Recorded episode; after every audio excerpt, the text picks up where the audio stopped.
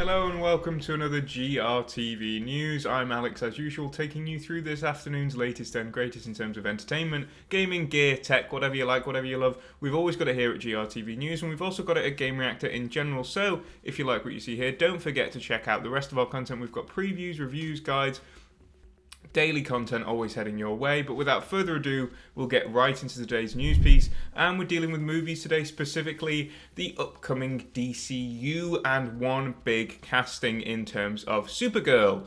Milly Alcock is going to be your Supergirl. There was the final four sort of narrowing down from Meg Donnelly, Milly Alcock, Cailee Spaeny, and somebody else whose name I've forgotten. I think it was Emily something. But it doesn't matter now, as Milly Alcock is indeed your new Supergirl.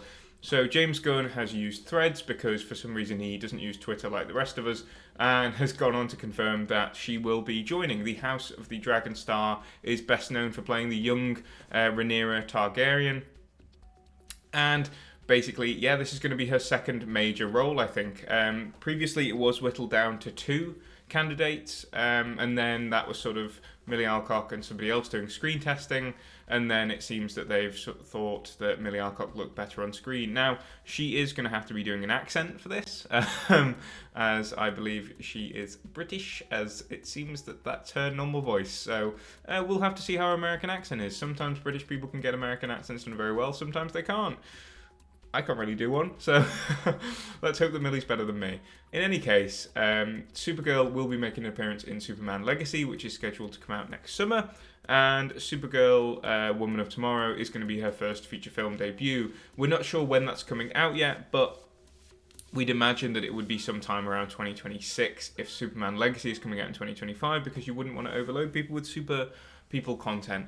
Uh, in any case, I don't think that this is going to be a. Um, something that we have to worry about for now, or something that you have to be, like I say, worry about, excited about for now, because I think it's pretty big. I think Milly Alcock was really, really good in the first season of House of the Dragon, nearly How to Train Your Dragon, then not that. Um, but yeah, she's a really talented uh, actress. She definitely fit the role of Supergirl. She's obviously got the blonde hair, I guess. So they don't need any wigs for that.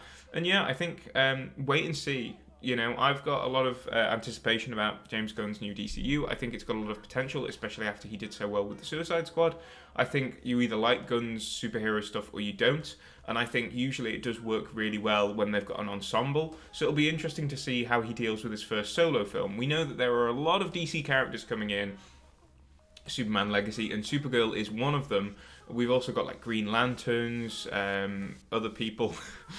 I, you know, other people coming in, Lex Luthor as a villain, some other minor villains coming in as well. There's a lot of recognizable faces for comic fans, but in any case, I think that Milly Alcock is going to be hopefully not too big of a presence in the cast because the Superman film should be about Superman, in my opinion. But again, James Gunn wants to build this big old DCU. Do you think Milly Alcock is going to be the right person for Supergirl? Do you think somebody else should have got it? Let me know all that and more as usual, and I'll be seeing you again tomorrow for another GRTV After News.